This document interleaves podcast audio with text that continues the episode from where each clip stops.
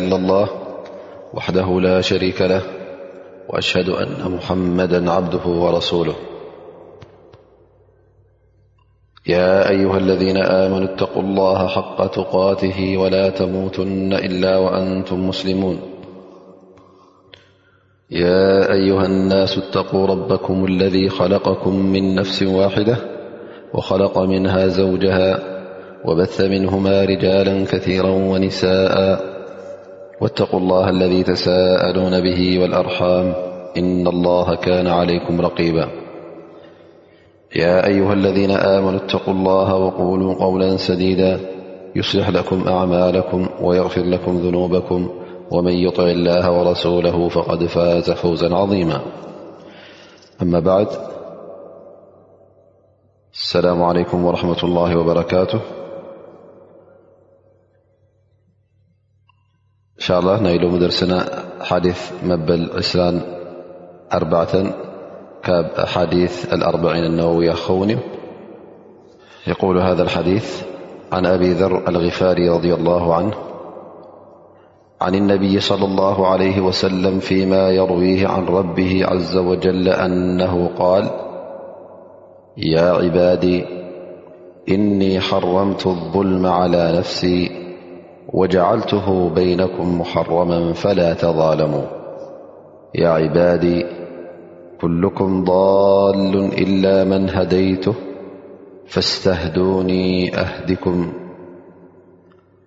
يا عبادي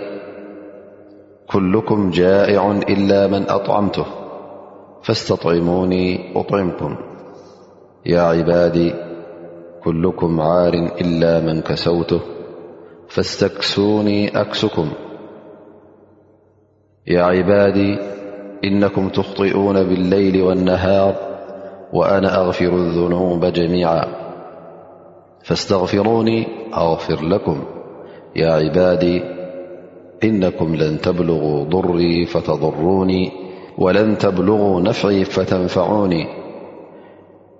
يا عبادي لو أن أولكم وآخركم وإنسكم وجنكم كانوا على أتقى قلب رجل واحد منكم ما زاد ذلك في ملكي شيئا يا عبادي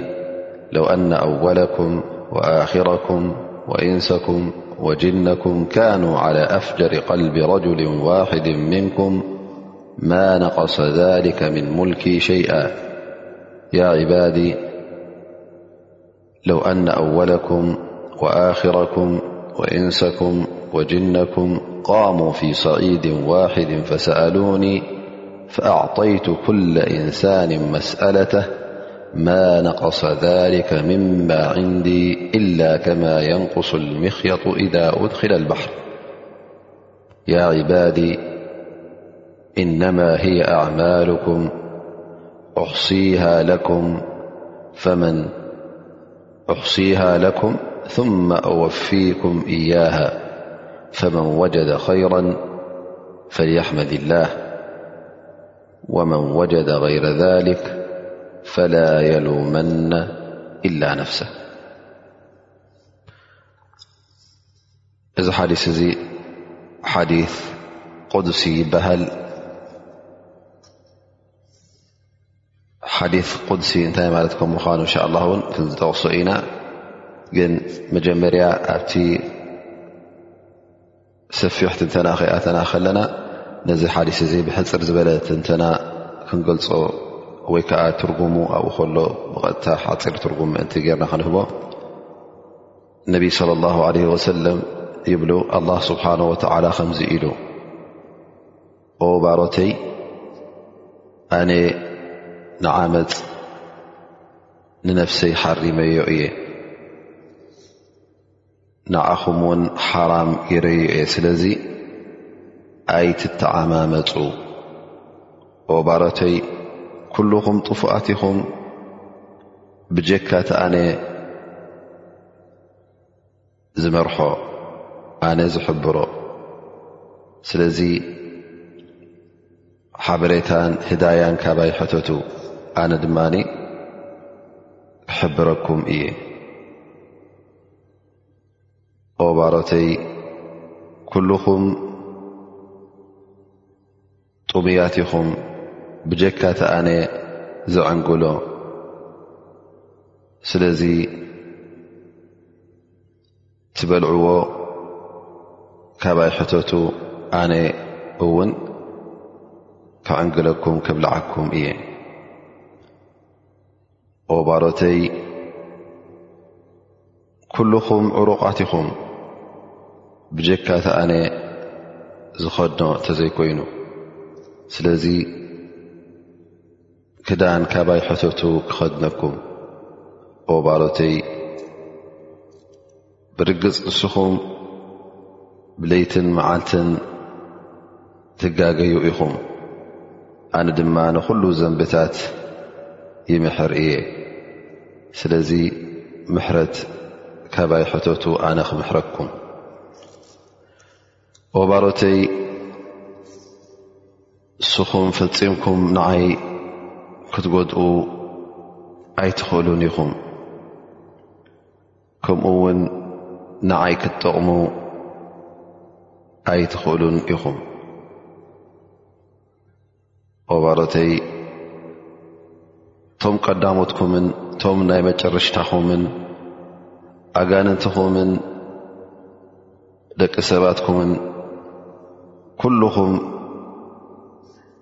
ከም ሓደ ዝበለፀ ፈራህ ረቢ ኮንኩም ነርኩም እንተትኾኑ ንዓይ እትውስኽዎ ኣብ መልከይ ኣብ ንግስነተይ የለን ኦባሮተይ እቶም ቀዳሞትኩምን እቶም ናይ መጨረሽታኹምን ሰባትኩምን ኣጋንንትኹምን ኩልኹም ከምቲ ዝኸፍአን ዝበኣሰ ሰብኣይ ነርኩም እንተትኾኑ እዚ ድማ ንዓይ ኣብቲ ንግስነተይ ኣብቲ ምልከይ ምንም ኣየጉድለለይን እዩ ወባረተይ እቶም ቀዳሞትኩኹምን እቶም ናይ መጨረሽታኹምን ደቂ ሰብኩምን ኣጋኒንትኹምን ኩሉኹም ኣብ ሓደ ቦታ ኮንኩም ነናትኩም ሕቶ ነናትኩም ጠለብ ነናትኩም ድልት ጠሊብኩም እሞ ኸዓ ኣነ ንኹሉኹም ጠጠለብኩም ሂበኩም እዚ ኩሉ ዝሃብኩኹም ካብቲ ምሳይ ዘሎ ወላ ሓንቲ ኣይመጉደለን ነይሩ ጥራይ ከምታ መርፍእ ኣብ ባሕሪ ኣእቲኻያ ሒዛታት ትመፅእ እትወፅእ ክንደኣ እንተዘይኮይኑ ካልእ ኣይመጉደለለይን ነይሩ ኦባረተይ ኣነኮ እቲ ተግባራትኩም ጥራይ እየ ዝፅብፅብ ኣብ መጨረሻ ከዓ ኣኪበያ ፀኒሐ ይፈድየኩም ይህበኩም ሰናይ ኼር ፅቡቕ ዝረኸበ ንጎይታ የመስግን ንኣላ የመስግን ካልእ እንተ ደኣ ጸኒሕዎ ግን ብጀካ ንነፍሱ ንኻልእ ኣይሕመ ይብለና ኣላ ስብሓን ወተላ ኣብዚ ሓዲስ እዚ ስለዚ እዚ ሓዲስ እዚ ሓዲ ቁድሲ ተባሂሉ ዝፍለጥ እዩ ኣብዚ ሓዲስ እዚ ኣላ ስብሓን ወተላ ብዙሓት ቀንድታት ናይዚ እስልምና ናይ ዲን ኣልእስላም ከም መሰረታት ዝኾና ነጥብታት ኣላ ስብሓን ወተዓላ ጠቒስኹን ማለት እዩ ኣብዚ ሓሊት እዚ ዓመፅ ሓራም ከም ምዃኑ ግዴታ ፍትሒ ክኸውን ከም ዘለዎ እዚ ድማ እቲ ኣላ ስብሓን ወተዓላ ዝልእኮ ዝነበረ ሸርዕታት ሸርዒ ነቢና ሙሓመድ ለ ላ ለ ወሰለም ሕግታት ሒዝዎ ዝመፀ ኩሉ ፍትሒ ንምስፋን ከም ምኳኑ ዓመፅ ንምውጋድ ከም ምኳኑ እ እዚ ሓዲስ እዚ እውን የርእየና ማለት እዩ ከምኡ እውን እዚ ሓዲስ እዚ ሒዝዎ ዝመፀ እቲ ህዳያ እቲ መንገዲ ሓቂ ክትሕል ሰለኣ ኮይንካ ብፍቓድ ኣላ ስብሓን ወተላ ትረኽቦ ከም ምኳንካ ድዓ ክትገብር ከም ዘለካ ኩሉ ነገራትካ ኩሉ ካብ ጎይታ ካብ ኣላ ስብሓን ወተዓላ ክትጠልቦ ከም ዘለካ እውን ዘርኢ ማለት እዩ ምክንያቱ ድዓ ንገዛእ ርእሱ ዒባዳ እዩ ኣምልኾት እዩ ዱዓ ክትገብር ከለኻ ንጎይታ ኣምልኾቱ ትህቦ ኣለኻ ማለት እዩ ከምኡ ውን ኣብዚ ሓዲስ እዚ እንታይ ንርኢ ማለት እዩ ኣላ ስብሓን ወተዓላ ፍፁም ሃብታም ከም ምዃኑ ፍፁም ዝኾነ ይኹን እውን ክንክየሉ ከምዘይንኽእል ካብ ኩሉ ጉድለታት ሙሉእ ከም ምዃኑ ኣላ ስብሓን ወተዓላ ሙሉእ ዘይጉዱል ከም ምዃኑ እነሀ እዚ ነገር እዚ እውን ኣብዚ ሓዲስ እዚ ርኢና ማለት እዩ ኣብ ርእሲኡ እውን ካልእ ዓይነት ናይ ስነ ስርዓታት ዝሓዘ ነጥብታት ኣብዚ ሓዲስ እዚ ተጠቒሱ ከምዚ ዝበልናዮ ኣቀዲምና እዚ ሓዲስ እዚ ሓዲስ ቁድሲ እዩ ኢልና ሓዲስ ቁድሲ ይስመ ካእ ኣስማት እውን ኣለዎ ሓዲ ኢላሂ ሓዲ ረባኒ ይበሃል ሓዲ ቁድሲ ክበሃል እንከሎ ከም መለለይናቱ እነቢ ስለ ላ ለ ወሰለም ዝጠቀስዎ ኮይኑ እንታይ እዩ ዝብል ማለት እዩ ክመፅእ እንከሉ ፍቲ ሓዲ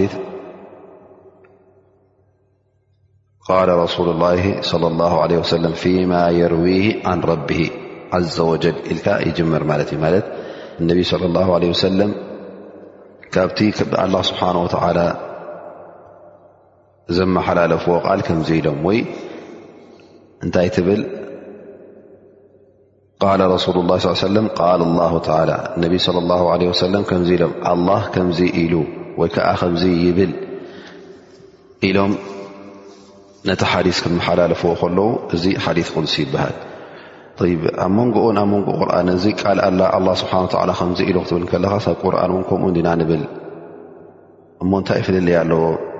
ሓዲ ቁድስን እቲ ቁርን እተ ኢልና ክንሓትት ኮይና ቀዳማይ ፍልልይ ይብሉ ዑለማ እቲ ቁርን እቲ ቃላቱን እቲ ትሕዝቶናቱን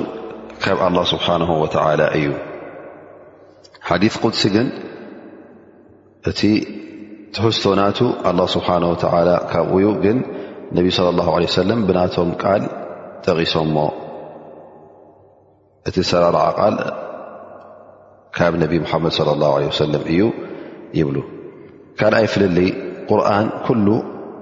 ቐጥዕየት ቡት እብልካ ቐጥዕየት ቡት ማለት ሲ ኩሉ እቲ ቁርን ክሳዕ ናባና ዝበፅሕ ብቐጥታ ወይ ከዓ ብፅኑዕ መንገዲ እዩ በፂሑ ማለት እዩ ስለዚ ምንም ስጠራጥር የለን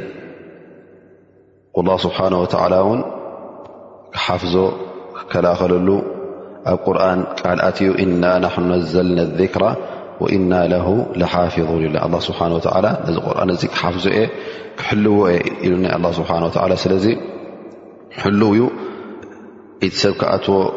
ኣይክእልን እዩ እቲ መፃፅኣ ናቱ ናባና እውን ብተሪር መንገዲ ብዘየጠራጥር መንገዲ እዩ በፂሑ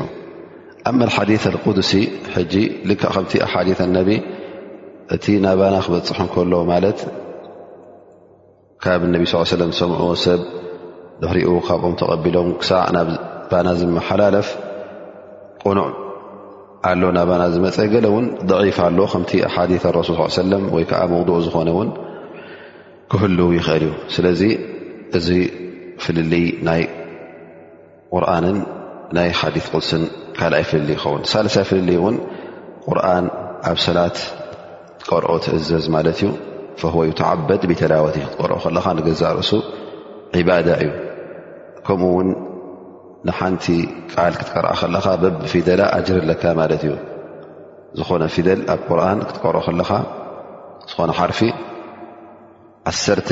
ሓሰና ኣለካ ማለት እዩ ላ ኣቁሉ ኣልፍላ ሚም ሓርፍ ወላኪን ኣሊፍን ሓርፍ ላሙን ሓርፍ ወሚሙን ሓርፍ ኣመ ሓዲ ኣቁድሲ ኣብ ሰላት ክትሰግዶ ኣይተኣዘዝካን ከምኡ ውን እዚ ብልፀት እዚ ዝጠቐስናዮ ናይ ቁርን ብኩል ሓርፍ ዓሽራ ሓሰናት ክትረክብ የለን ኣብ ቁርን እውን እቲ መቃጣ ወይ ከዓ እቲ ዓንቀፃት ናቱ ኣያ ይስመ ሱራ እውን ትበሃል ኣላ ኣብ ቁርን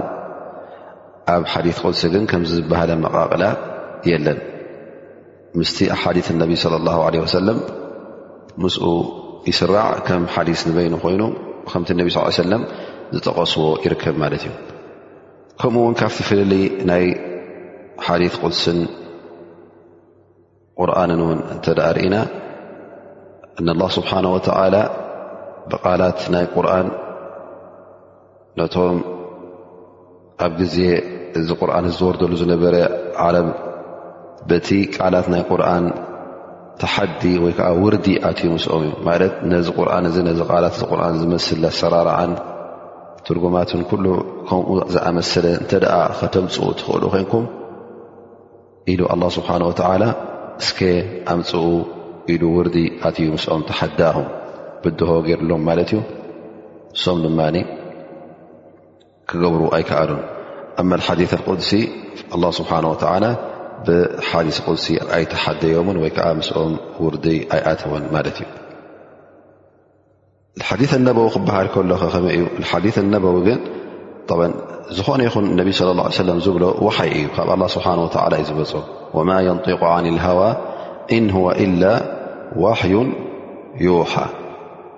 ሓዲ ነበዊ ክበሃል እንከሎ ሕጂ እንታይ ኢኻ ትብል ቃል ረሱሉ ላ ስ ሰለም ኢልካ ቃል ናይ ነቢ ለ ላ ለ ሰለም ረሱል ከምዚ ከምዝ ግበሩ ከምዝ ከምዝ ኣይትግበሩ ይብለካ ማለት እዩ እዚ ነዚ ንፈፅሙ ከምዚኡ ትገባብ ክብል ከሎ እዚ ሕጂ እንታይ ማለት እዩ ቀጥታ ናብ ነቢ ለ ላ ለ ሰለም ይምለስ እቲ ዘረባ እዚ ሓዲት ነበው ይበሃል ግን እነቢ ስለ ላሁ ለ ሰለም ነዚ ነገር እዚ ክጠቕስዎ ከለዉ ኣላ ስብሓን ካብ መገዲ ኣላ ወይከዓ ካብ ቃል ኣላ ወይከዓ ካብ ትእዛዝ ኣላ ስብሓን ወተላ ወፂኦም ኣይኮኑን ግን እዚ እውን እቲ ኩሉ ዝብልዎ ዘለዉ ኣላ ስብሓን ወላ ምስቲ ሓበሬታ ናይ ዲን ዘለዎ እንተ ኮይኑ ካብ ኣላ ስብሓን ወተላ ዝመፆም ሓበሬታ እዩ ስለዚ ብሓፈሽኡ እቲ ሓዲት ነበዊ ዝበሃል ብሓፈሽኡ ካበይ እዩ ካብ ወሓይ እዩ ወነቢ صለ ላه ለ ሰለም ነቲ ቁርን ዘብርህን ነቲ ሸርዕ እስልምና መሰረታቱ ዘፅድቕን ቀንድታቱ ዘብርህን ጠቒሶምልና እዮም ነቶም ብፆቶም እውን የምህርዎም ነይሮም እቲ ትምህርቲ እውን ናባና በፂሑ እዩ ወነቢ ስለ ላሁ ለ ወሰለም እውን እንተ ደኣ ከምቲ ግቡእ ገይሮም ንገለ ነገር እንተ ደኣ ዘየብርህዎ ኣላ ስብሓን ወተዓላ ከመይ ገይሮም ከብርህዎ ከም ዘለዎም ይሕብሮም ነይሩ ማለት እዩ ስለዚ እቲ ኩሉ ምንቅስቓሳት ቃላት ናይ ነቢና ምሓመድ ለ ላሁ ለ ወሰለም ብሓበሬታ ናይ ኣላ ስብሓን ወተዓላ እዩ ዝኸይድ ነይሩ ስለዚ እቲ ሓዲስ ቅሲ ክንብሎ ከለና ከምቲ ዝጠቐስናዮ ትሕዝቶ ናቱ ኣላ ስብሓን ወተላ ጠቒስዎ ነቢና ሓመድ ስ ሰለም ነቢ ለ ላ ለ ሰለም ብናቶም ቃላት ገይሮም ዝገለፁልና እዩ ይብሉ ዑለማ ማለት እዩ ልክዕ ከምቲ ኣብ ቁርን ረኽቡ ሕጂ ኣላ ስብሓን ወተላ እቲ ኣብ ቁርን ብዛዕባ ናይቶም ኣንብያ እንታይ እንታይ ይብሉ ነይሮም እንታይ እንታይ ይምልሱ ነይሮም ነቶም ብፅሑቶም ነቶም ህዝቦም ሓቢሩና ወይ ከዓ ተቂሱልና ኣላ ስብሓን ወተላ ቃል ሙሳ ቃል እብራሂም ከምዚ እናበለ ሕጂ ከምዚ ኢሉ እብራሂም ከምዚ ኢሉ ላኪን እቶም ቀዳሞት ኣንብያ ክዛረቡ ከለዉ ቋንቋ ዓረብ ኣይኮኑ ዝዛረቡ ነይሮም ካልእ ቋንቋ ነይርዎም እዩ ግን ኣላ ስብሓን ወላ ሕጂ እቲ ቋንቋ ዓረብ ገይሩ እንታይ እንታይ ብሉ ከም ዝነበሩ ተቂሱና ማለት እዩ ስለዚ እቲ ትሕዝቶ ቃላት ናቶም ኮይኑ ሕጂ ከም ዘረበኡም ቀሪቡ ማለት እዩ ሓዲ ቅልሲ እውን ከምኡ ክኸውን ይኽእል ብድሕሪ እዚ ናብቲ ትንተና ናይ ሓዲትና ክንኣቱ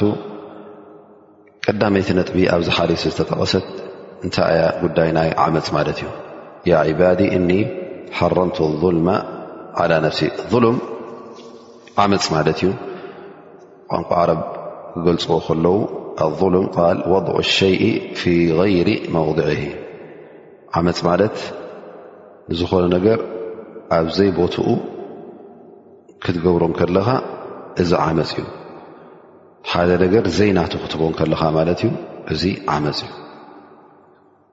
ፈظሉም ዋ ሙጃወዘት ሓድ ማለት ሓድ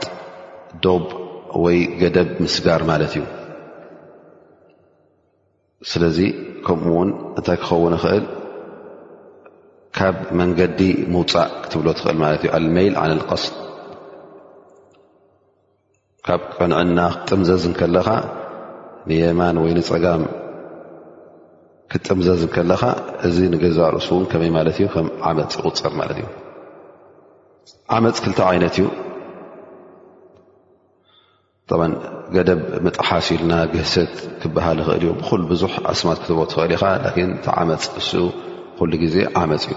ዓመፅ ክልተ ዓይነት ክበሃል ክከኣል ኣብ ሸርዕ እስልምና ሓደ ወዲ ሰብ ነብሱ ክዕምፅ እንከሎ እዚ ዓመፅ እዩ ከመይ ማለት እንተደኣ እዚ ሰብ እዚ ካብ እምነት ርሒቑ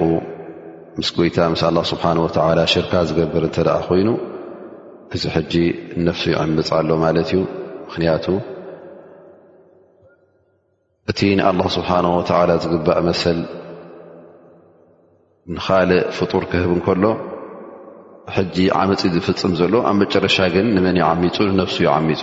የቁል ስብሓን ወላ እነ ሽርካ ለظልሙን ዓظም እዘ ምስ ጎይታ ሽርካ ክገብር ከሎ ማዕስያ ክገብር ከሎ ኣላ ስብሓን ወተላ ዘየፍቀዶ ነገራት ክፍፅም ከሎ ኣላ ስብሓን ወተላ ዝኣዘዞ ክጥርሕስ እንከሎ ይዕበ ይንኣስ እዚ ዘንብ እዚ እዚ ጌጋ እዚ እዚ ገበን እዚ እንታይ ዝሕሰብ ነብስኻ ኢኻ ተቐምጥ ዘለኻ እዩ ዝሕሰብ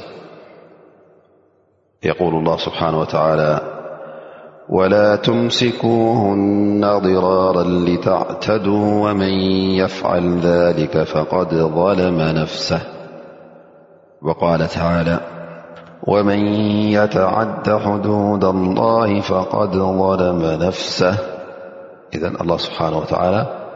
ገደብ ዝጠሓሰ ነብሱ ዓሚፁ ማለት እዩ ሕዱድ ኣላ ናይ ጎይታ ናይ ኣላ ስብሓን ወተዓላ ዝወሰኖ ገደባት ዝጠሓሰ ነፍሱ ዓሚፁ ማለት እዩ ይብል ኣላ ስብሓን ወተዓላ ስለዚ ወላ ትምሲኩሁና ضራራ ልተዕተዱ ንደቂ ኣንስትዮ ነተናንስትኹም ውን ንኽትጎድእዎን ኢልኩም ኣይትሓዝዎን ምኽንያቱ እዚ እንታይ ዩ እዕትዳእ ማለት እዩ ዘይናህካ ምድላይ ገደብ ምስጋር ስለ ዝኾነ እዚ ዝገበረ ድማ ነብሱ ዓሚፁ እዩ ይብለና ኣላ ስብሓን ወተላ ካልኣይ ዓመፅ ኩላህና ንፈልጦ ማለት እዩ ወዲ ሰብ ንኻልእ ክዕምፅ እንከሎ ዘይናቱ ገንዘብ ክወስድ ዘይመሰሉ ዘይናቱ ክደሊ እንከሎ መሰል ካልኦት ክገፍፍ እንከሎ እዚ ሕጂ መሰል ናይ ካልኦት ደቂ ሰባት ማለት እዩ እዚ ሕጂ እንታይ ይኸውን ማለት እዩ ዓመፅ ይኸውን ፍሉጥ እውን ዓመፅ ከም ምኳኑ ላ ስብሓን ወላ ከብዝኣመሰለ ዓመፅ እውን ኣብዚ ሓዲስ ይኹን ኣብ ካልእ ኣያታት ወጀዓልት በይነኩም ሙሓረመ ፈላ ተዛለሙ ንንሕትኩም ኣይተዓምፁ ኣይተተዓማመፁ እዚ እቲ ዓመፅ ሓራም ከም ምኳኑ እቲ በቢ ዓይነቱ ዓመፃት ሓደ ዓይነት ዓመፅ ዘይኮነ ኩሉ ዓመፅ ዘብኡስ ሓራም ከም ምኳኑ ኣላ ስብሓን ወተዓላ ነሀ በዚ ሓዲስ እዚ ጠቂሱልና ማለት እዩ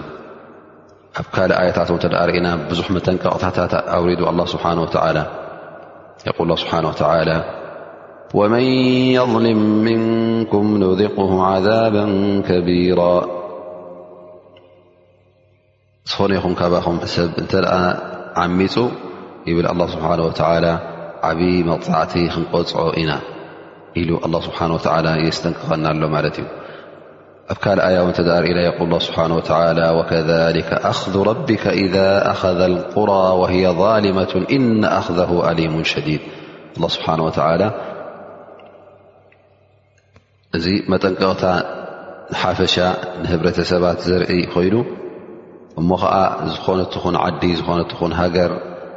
ኣላ ስብሓን ወተዓላ እንተ ዓሚፃ ከምቶም ቀዳሞት ኣላ ስብሓን ወተዓላ ዝቐፅዖም ነቶም ገጠራትን ሃገራትን ከምኡ ገይሮ ክቐፅዖም እዩ መቕፃዕቲ ጎይታ መቕፃዕቲ ኣላ ስብሓን ወተዓላ ብጣዕሚ ሓያልን ብርትዐን እዩ والنب صلى الله عله وسلم يل في حث ጃابር اتقا الظلم فإن الظلم ظلمت يوم القيمة عمፅ ጠنقق ፅ يتبر مፅ ኣ يوم القيام ن لم ዘيكن بዙح لمታت እዩ فإن الظلم ظلمات يوم القيامة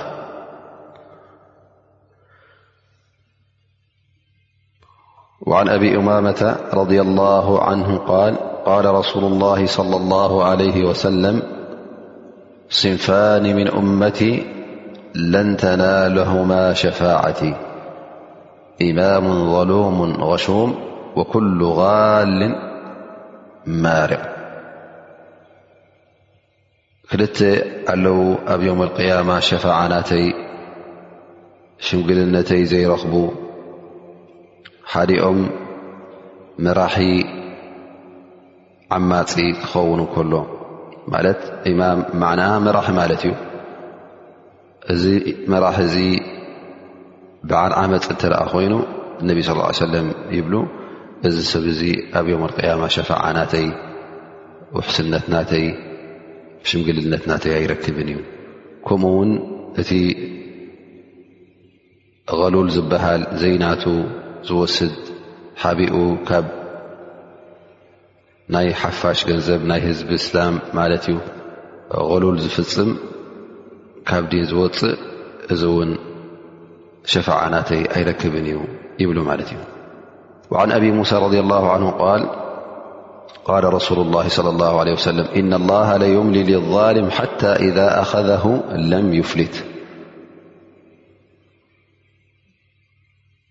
ይብሉ ነቢና ሙሓመድ ስ ሰለም ኣላ እኮ ንዓማፂ ግዜ ይህቦ እዩ ግን እንተ ደኣ ተተሓሒዝዎ ፈፂሙ ኣይገድፎን እዩ እተ ተተሓሒዝዎ ኣላ ስብሓን ወተላ ፈፂሙ ኣይፍንዎን እዩ እንታይ ደኣ እቲ ዝግብኦ መቕፃዕቲ ክቐፅዖ እዩ ይብለና ኣላ ስብሓን ወተላ ስለዚ እዚ መጠንቀቕታ እዩ ነቶም ዓመፀኛታት መሪሕነት ዓዲ ሒዞም ይኹኑ መሪሕነት ሃገር መሪሕነት ዝኾነ ይኹን ዓይነት ኣብ ህብረተሰቦም እንተ ቦታ ኣለዎም ኮይኑ ክገብሩን ክገድፉን ዝኽእሉ እተ ኮይኖም እሞ ከዓ በቢደረጅኡ ማለት እዩ ወይ መርዓ ሃገር ይኸውን ወይ መራሒ ከተማ ይኸውን ወይ ከዓ ሓላፊ ናይ ሓደ ነገር ይኸውን ሓላፊ ናይ ፖሊስ ኮይኑ ሓላፊ ናይ ዝኾነ ይኹን ዓይነት ሓላፍነት ዘለዎ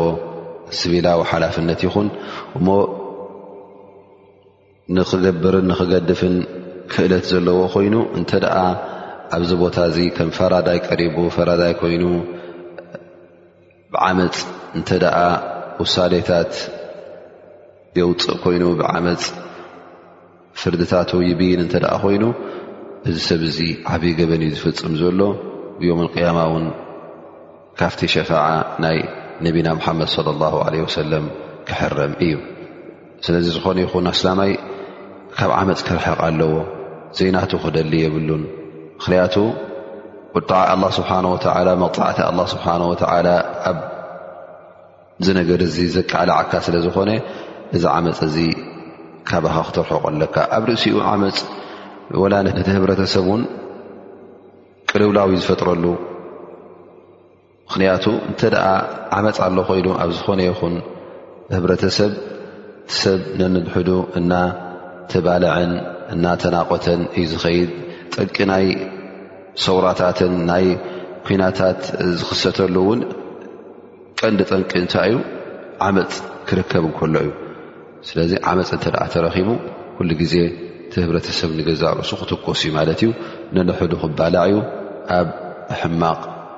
መድረክ እውን ክበፅሕ ይኽእል ወላ ስብሓን ወተላ ካብ ዓመፅ ፍፁም ንፁህ ከም ምኳኑ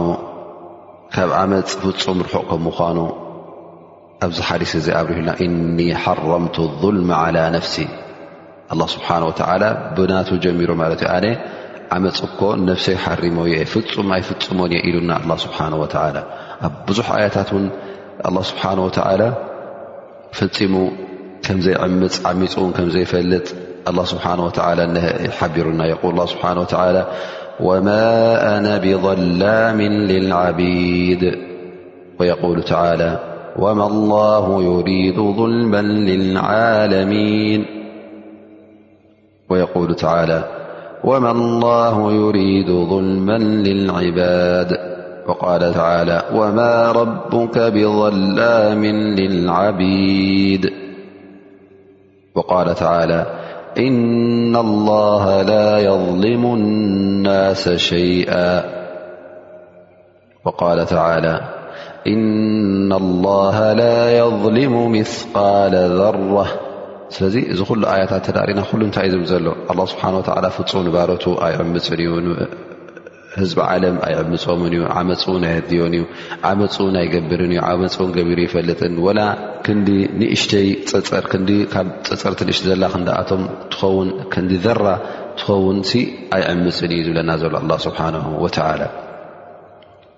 ስለዚ ክብሩ ይስፋሕ ጎይታና ኣላ ስብሓን ወተዓላ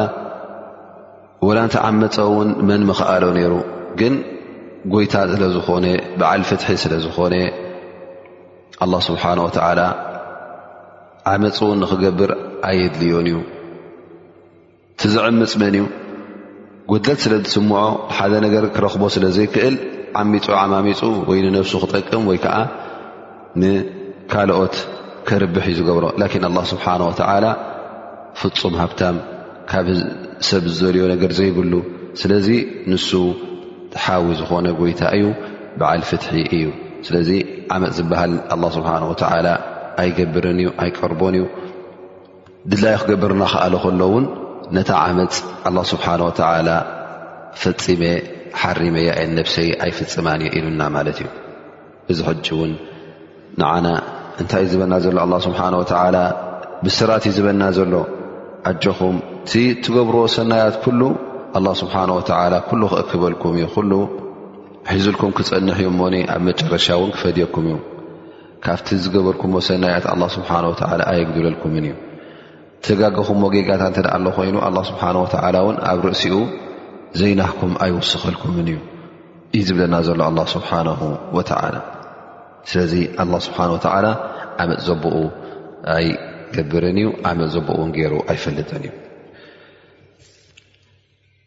ብድሕሪኡ ድሕሪ ዚ ናይ ዓመፅ እዚ ኣላ ስብሓን ወተላ ኣብዚ ሓዲስ ቁድሲ እንታይ ጠቒሱ ማለት እዩ ያ ዕባዲ ኩልኩም ዳሉን ኢላ መን ሃደይቱ ፈስተህዱኒ ኣህዲኩም ኩሉ ነገራት ካብኡ ክንደልዮ ከም ዘለና ቀዳማይ ነገር ካብ ጥፍኣት ናብ መገዲ ብርሃን ናብ መገዲ ቕንዕና ዝመርሕ ንሱ ጥራይ ከም ምዃኑ እሞ ከዓ ነዚ ነገር እዚ ካብኡ ክንሓቱ ከም ዘለና እዚ እቲ ዝዓበየ ሽሻይ እቲ ዝዓበየ ርዝቂ እዩ ኣየናይ እቲ ኣብ መንገዲ ር ምፅናሕ ር ምግባር ሰናይ ምግባር ኣብ መንገዲ ኢማን ምፅናሕ እዚ እቲ ሂዳያ ዝበሃል ዝዓበየ ሽሻ እዩ ካብ መን ዝድለ ካብ ኣላ ስብሓን ወተላ ካልእ ዓይነት ሽሻይ እውን ኣላ ስብሓን ወተላ ጠቂሱ ማለት እዩ ጉዳይ ናይ እትዕንገሎን እትበልዖን መግብኻ ካብ ጎይታ ክደልዮ ከም ዘለካ እንተ ጎይታ ዘይሃበካ ንሱ እተ ዘይሃበካ እውን ክትረኽቦ ከም ዘይትኽእል ክዳንካ ኮይኑ ካብ ዕርቃን ዝሕልወካ መን እዩ ዝኸድነካ ኣላ ስብሓን ወተዓላ ስለዚ ካብኡ ድለዮ ለይትን መዓልትን ትጋገ ኢኻ እንታ ወዲ ሰብ ምሕረት ክትሓእ እንተ ደሊኻ ድማ ካብ መን ጥለብ ካብ ኣላ ስብሓን ወተዓላ ጥለብ እዩ ዝብለካ እዘን እንታይ ዝርእካ ዘሎ ኣላ ስብሓን ወተዓላ ምሉእ ዘይጉዱል እዩ ኩሉ ነገራት እውን ካብኡዩ ክሕተት ዘለዎ ካብኡዩ ክጥለብ ዘለዎ ፍጡራት ኣብ ቅድሚ ጎይታ ኣላ ስብሓን ወተዓላ ድኻታት እዮም ዝሓዝዎ ነገር የብለውን ኣብ ኢዶም ወላ ሓንቲ የለን ፍቀራ ኢላ ላ ዘ ወጀል ልዕባድ ኩልም ወልከልቅ ኩልም ፍቀራ ሙሕታጁን ኢላ ላ ካብኡ እዮም ዝደልዮ ካብ ኣላ ስብሓን ወተዓላ እዮም ዝደልዩ ኣላ ስብሓን ወተዓላ ግን ካብ ፍጡራቱ ዝደልዮ ነገር የብሉን ይህብ ድኣ እምበር ኣይሓት ኣይጠልብን እዩ ስለዚ ናይ ኣዱንያ ናይ ኣኼራን ኩሉ ድሌታትካ ኣበይ ኢኻ ትረኽቦ ካብ መን ኢኻ ትረኽቦ ካብ ኣላ ስብሓን ወተዓላ ንዕኡ ጥለቦ ንዕኡ ሕተቶ ንሱ እውን ክህበካ እዩ ካብኡ እንተ ደኣ ደለኻ ኩሉ ግዜ ጥራይትካ ኣይትወፅእን ኢኻ ምኽንያቱ ክቡርን ሃብታምን ሞሉእን እዩ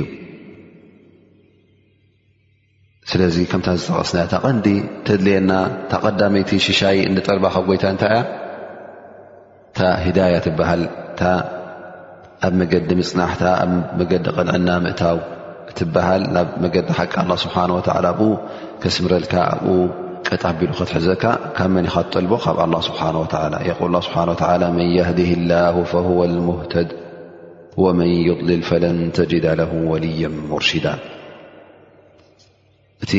ኣላ ስብሓን ወተዓላ ዝሃደዮ ንሱ እዩ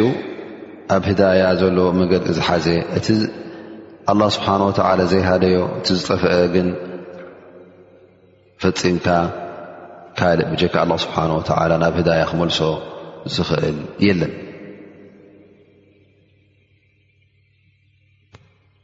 ስለዚ እዚኣታ ቀንዲኣ ብድሕሪኡ ድማ እንታይ መፅእ እቲ ናይ ኣዱንያ ነገር ትርዝቂ ትሽሻይ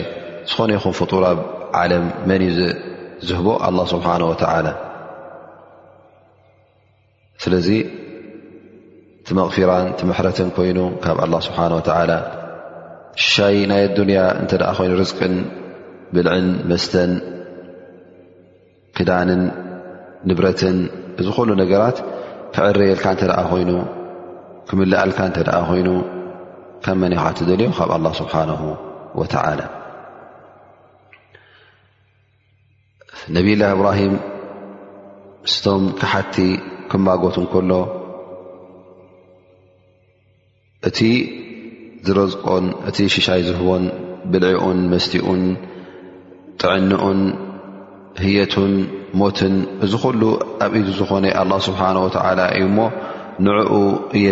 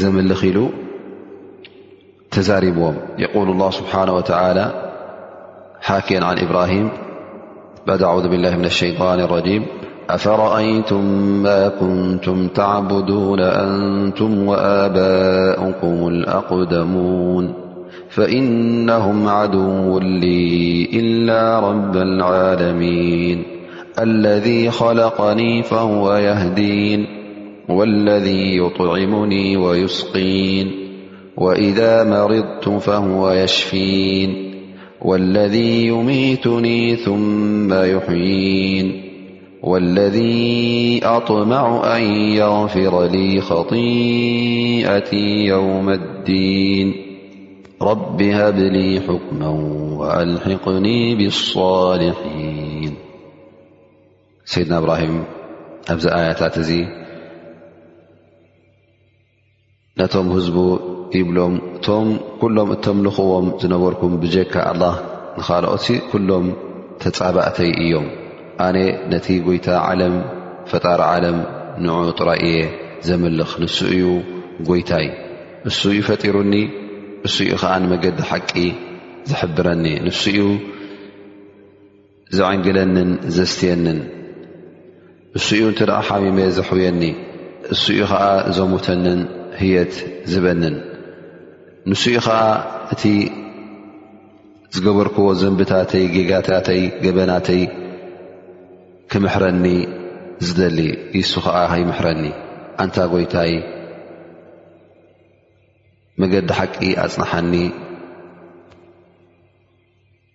ኣንታ ጎይታይ ኣፍቶም ምስቶም ሳልሒን ምስቶም ቁኑዓት ውን ሓፀንብረኒ ምስኦም ከዓ ናብኦም ከዓ ኣብፀሓኒ ኢሉ ዱዓ ገይሩ ማለት እዩ ስለዚ እንታይ ዝርእየና ዘሎ ሕጂ እንታይ ንጥቀም ካብዘን ኣያታት እዚአን እዚ ነገር እዚ ኩሉ ካብ መን ክድሊ ኣለዎ ካብ ኣላ ስብሓን ወተዓላ ሽሻያት ናይ ኣዱንያ ኮይኑ ጉዳይ ናይ ኣኼራ ኮይኑ ካብ መን ኢና ንረኽቦ ካብ ኣላ ስብሓን ወተዓላ ጥራይ ኢና እንረኽቦ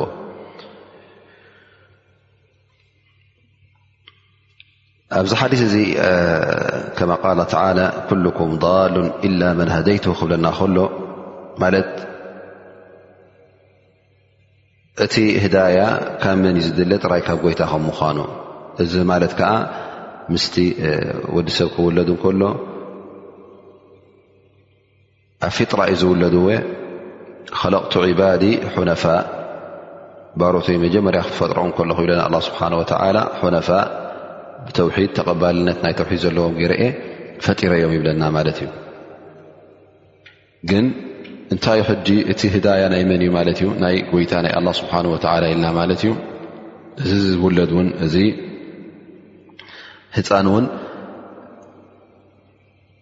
እቲ ተፈጥሮኣዊ ተውሒድ ተዋሂብዎ ዘሎ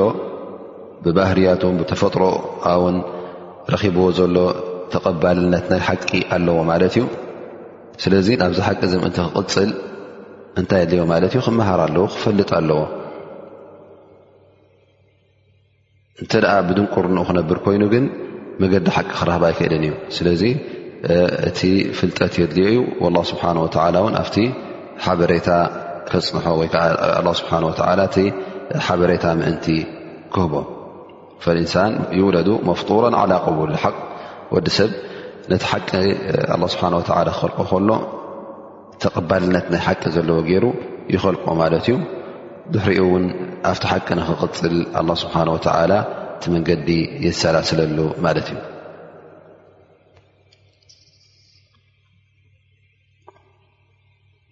ከምቲ ዝበልናዮ እቲ ህዳያ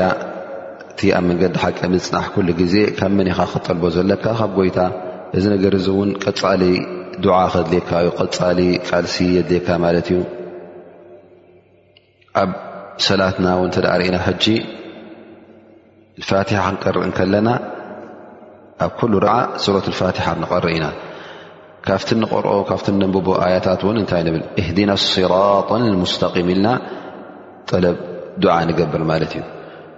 እዚ ሕጂ እንታይ እዩ ለይትን መዓልትን ኣድላይ ከም ምኳኑ ካብ ጎይታ ካብ ኣላ ስብሓን ወተዓላ ኣብ ህዳያ ንክትህሉ ናብኡ ንክትቅፅል ኣብ ኩሉ ነገራትካ ኩሉ ግዜ ኣላ ስብሓን ወተዓላ ሓበሬታ ክበካ ምክንያቱ እተ ሓበሬታ ኣላ ስብሓን ወተዓላ ስሒትካ ኩሉ ግዜ ጥፉእ ኢኻ እዚ እውን እቲ ሓበሬታት ህዳያ ጥራይ ንካፍር ንካሓደ ኮንካ ጥራይ ጠልበሉ ወላ ውን እስላማይ እውን ኩሉ ግዜ በዓል ኢማን እከሎ ህዳያ የድልዮ ኣብ ኩሉ ነገራትካ ህዳያ ስለ ዘድልየካ ኣብኡ እውን ንክትቅፅል እውን ኣድላይ ስለ ዝኾነ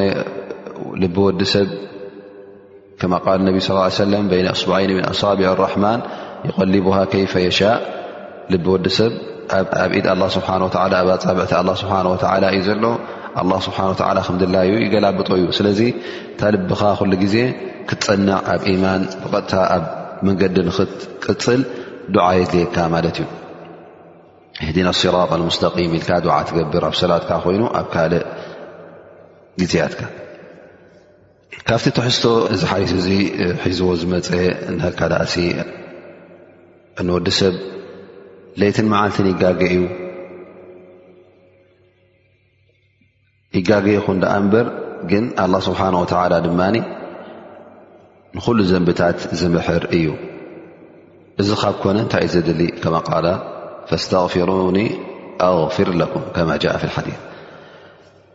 ካባይ መቕፊራ ሕተቱ ኢሉና ኣላ ስብሓን ወተላ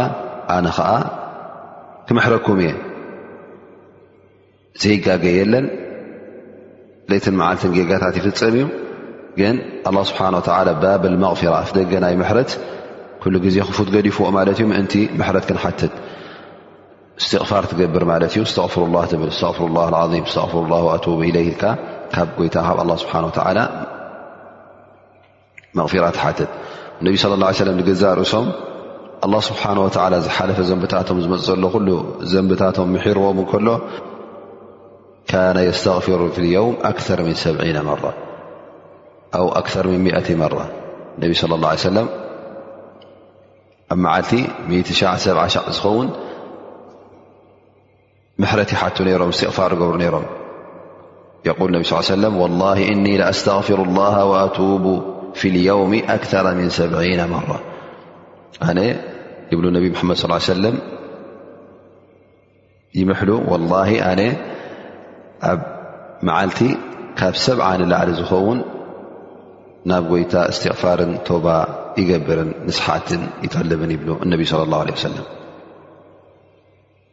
ብድሕሪኡ ኣብዚ ሓዲስ እዚ እውን ካብ ተጠቕሰ ነጥብታት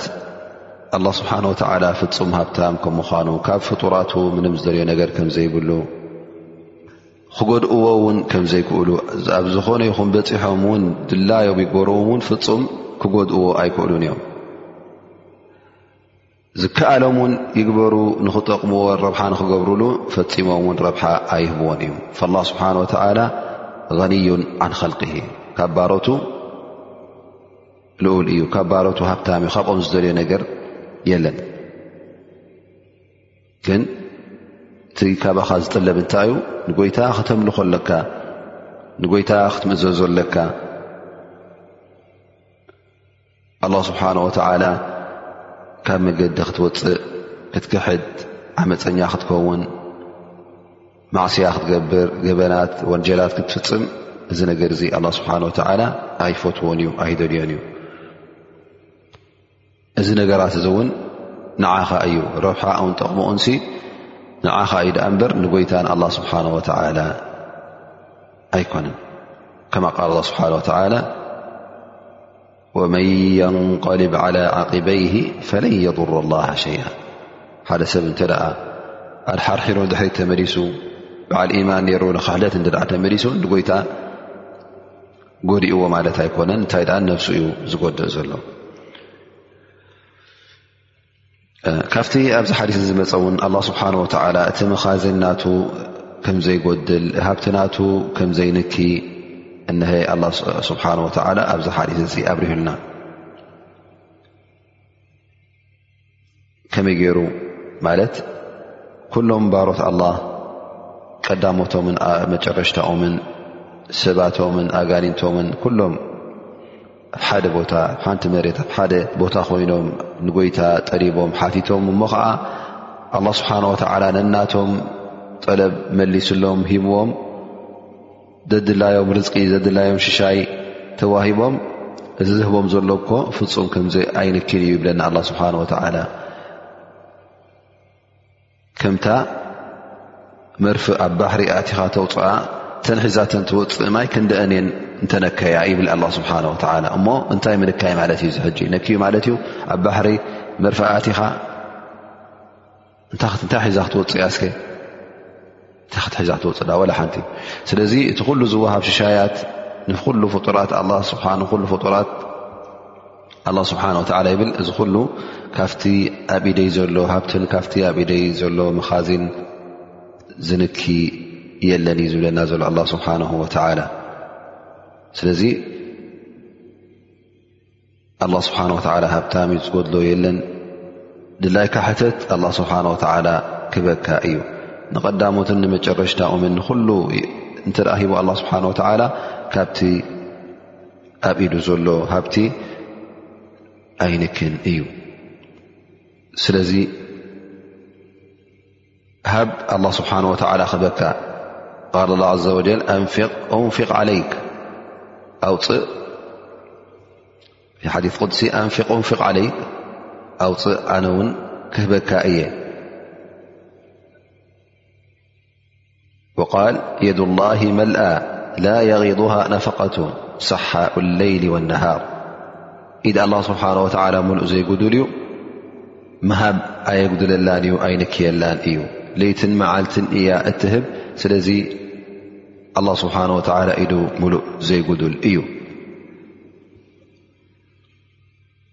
ከምኡውን ኣብዚ ሓዲስ እዚ ዝመፀ ኩሉ ተግባራት ወዲ ሰብ ፀብፃብ ብቁፅሪ ይእከብ ከም ምኳኑ እነሀ ኣላ ስብሓን ወተላ ሓቢሩና ማለት እዩ እነማ ሂያ ኣማልኩም ኣሕሲሃ ኩሉ እቲ ተግባራትኩም ንሱ ዩ ዝፅብፀብ ዘሎ ኣብ መጨረሻ ድማ ኩልኹም ነናትኩም ኢኹም ክትረኽቡ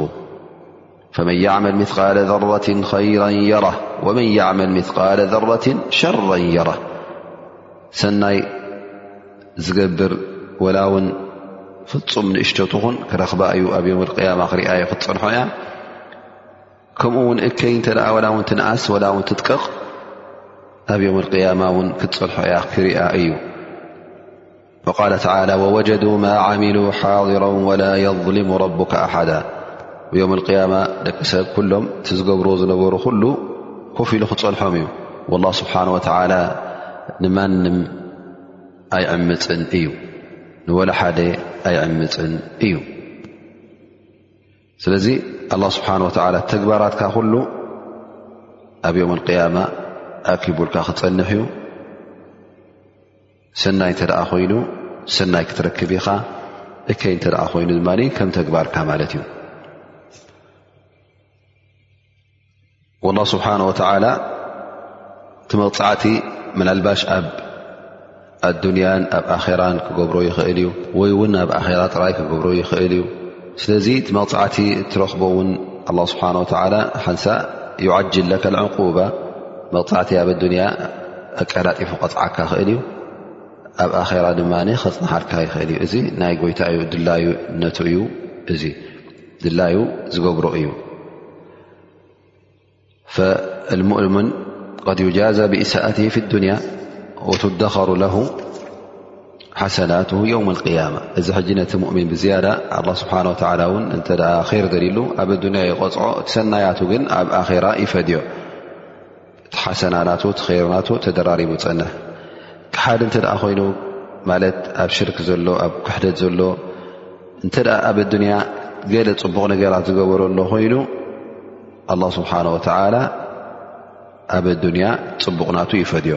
ላኪን እቲ ዝገብሮ ዘሎ ገበናት ክሕደት ዓብ ስለ ዝኾነ እዚ ከዓ ንዮም ቅያማ የፅንሓሉ ማለት እዩ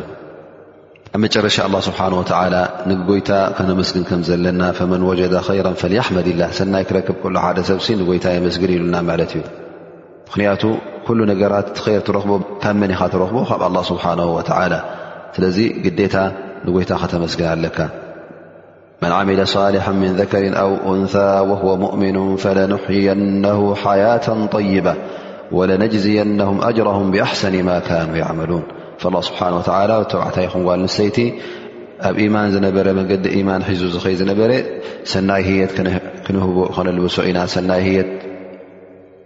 ሰናይ ንብረት ክነብር እዩ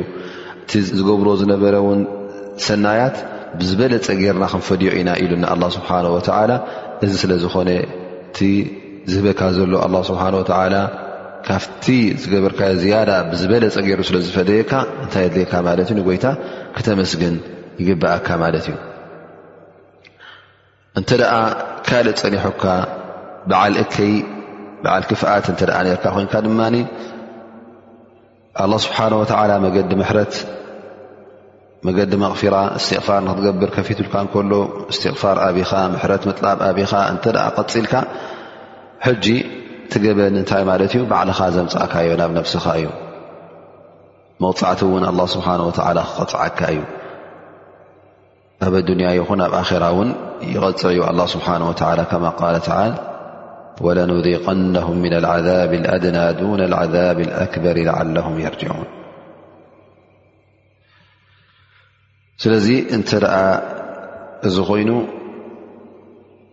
እስኻ ንስኻ ኢኻ ክትሓምዝ ዘለካ እቲ ጌጋ ባዕልካ ኢኻ ተምፅኦ ዘለካ ኣላ ስብሓን ወተላ ኩሉ ሓበሬታት ሂቡካ እዩ መገዲ ኣርእካ እዩ እሞ እቲ እምቢታ ንስኻ ስለ ዝፈፀምካዮ ፅባሕ ንግሆ ንጎይታ ክትሓምዮ የብልካን እንታይ ደኣ ነታ ነብስኻ ኢኻ ትሓምያ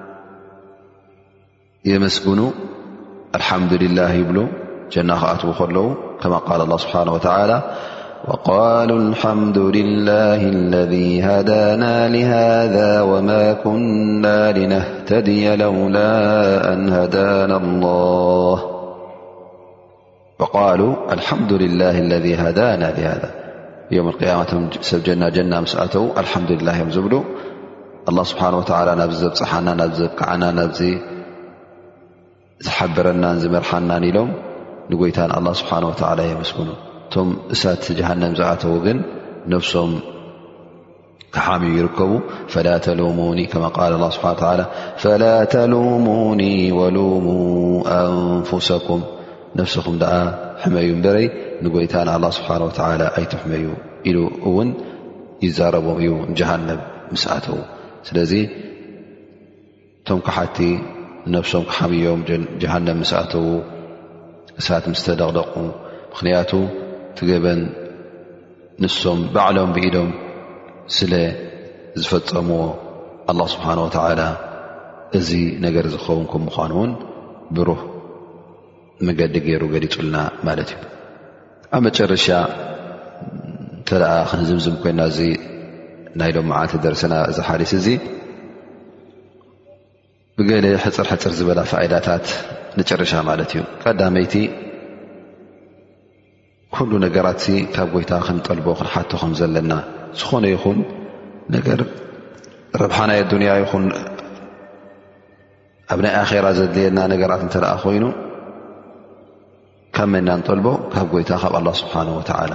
ምክንያቱ ኩሉ ኸይራት ኩሉ ሰናያት ኣብ ኢድመን እዩ ኣብ ኢድ ኣላ ስብሓን ወተዓላ እዩ ዘሎ ካብቲ ኣብዚ ሓዲስ እዚ እውን ዝረኸብናዮ ፋይዳት እንተ ኣሎ ኮይኑ እቲ ቐንዲ ናይ እምነትን ካሕደትን መገዲ ሓቂ መትሓዝን ምግጋይን ሲ ኣብቲ እምነትካን ኣብቲ ኣብ ልብኻ ዘሎ ነገር ስለ ዝኾነ እዛ ልቢ እዚኣ ኩሉ ግዜ ኣብ እስቲቃማ ኣብ ቅንዕና ክትፀንሕ ከም ዘለዋ እንተ እዛ ልቢ እዚኣ ቀኒዓ ኩሉ ግዜ ኩሉ ነገራት ክተቀንዕ እዩ እንተ እዛ ልቢ እዚኣ ግን ሕማቕ ትደሊ እተ ኣላ ኮይና እንተ እሳ ተበላሽያ ብልሽውና እተ ፈትያ ኩሉ ኣካላትካ እውን ንብልሽውና ክኸይድ ከም ምኳኑ ስለዚ ተቕዋ ፍርሃት ረቢ እሱኡ ዝመርሕ ማለት እዩ እንታይ ኣለ ኣብ ልብኻ ፍርሃት ረቢ ድዩ ወይስ ካልእ እሱዩ ቀንዲ ወሳኒ ማለት እዩ ከምኡ ካብዚ ሓዲስ እዚ እተ ርእና እቲ ኩሉ ፈድሊ እቲ ኩሉ ኸይራት ካብ ጎይታ ከም ምዃኑ ኣላ ስብሓን ወተዓላ ከም ድላዩ ንባሮቱ ከም ዝህብ ከቦም እንከሎ ኣገዲዶሞ ዘይኮኑ እንታይ ደኣ ባዕሉ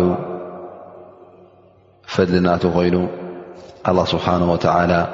ብፍተቱ እዩ ዝህቦም ማለት እዩ ስለዚ ትሰናያት ኩሉ ናይ ጎይታ ናይ ረብኹም ምኳኑ ተረዲእና ማለት እዩ ኣብ መጨረሻ ወዲ ሰብ ንነፍሱ ክቆፃፀራ ከም ዘለዎ መሓሰባ ክገብረሉ ከም ዘለዎ ጌጋ እንተደኣ ገይሮ ክጣዓስ ከም ዘለዎ እዚ ነገር እዚ እውን የረዳኣና ማለት እዩ ስለዚ እቲ ምቁፅፃር ነብስኻ ክህሉ ከም ዘለዎ ምክንያቱ እቲ ኩሉ ተግባራት ካ ኣላ ስብሓን ወተዓላ ይፅብፅበልካ እዩ እሞኒ ንስኻ ነብስኻ ተቆፃፀራ እንታይ እያ ትገብር ዘላ ንመገዲ ሓቂ ድያ ሒዛ ትኸይድ ዘላ ወይስ ካብኡ ወፃኢ እንታይ እያ ትእክብ ዘላ ር እያ ትእክብ ዘላ ወላ እከይ ንመገዲ ጀና ድያ ኣምሪሓ ዘላ ንመገዲ ጀሃንም ነብስኻ ተቆፃፀራ ማለት እዩ ኣብ መጨረሻ ምእንቲ ኣብቲ ኣላ ስብሓን ወተላ ኣዳልዩልካ ዘሎ ር ጀና ኣብኡ ምእንቲ ንክትበፅሕ ምክንያቱ ኣላ ስብሓን ወተላ ንበዓል ር ጀና ይዳልሉ ንበዓል እከይ ከዓ ጀሃንም እሳት ይዳልሉ ዘሎ ስለዚ እንተ ነብስኻ ዘይተቆፃፀርካያ ናበይ ትኸይድ ከምዘላ እተ ዘይተገደዝካ ፅባሕ ንግሆ ከጣዕሰካ እዩ ፅባሕ ንግሆ ነብስኻ ክትሓምያ ኢኻ ስለዚ ኣላ ስብሓን ወተዓላ ኣብ መገዲ ሓቂ ከፅንሓና ካብ መገዲ ጥፍኣት ክሕልወና ድዓ እናገበርና እዚ ደርስና እዚ ብዚ ንድምድሞ ባረከ ላ ፊኩም ዓ ሑስኒ እስትማዕኩም صለ ላሁ ዓላ ነብይና ሙሓመድ ዓላ ኣሊ ወሳሕብ ወሰለም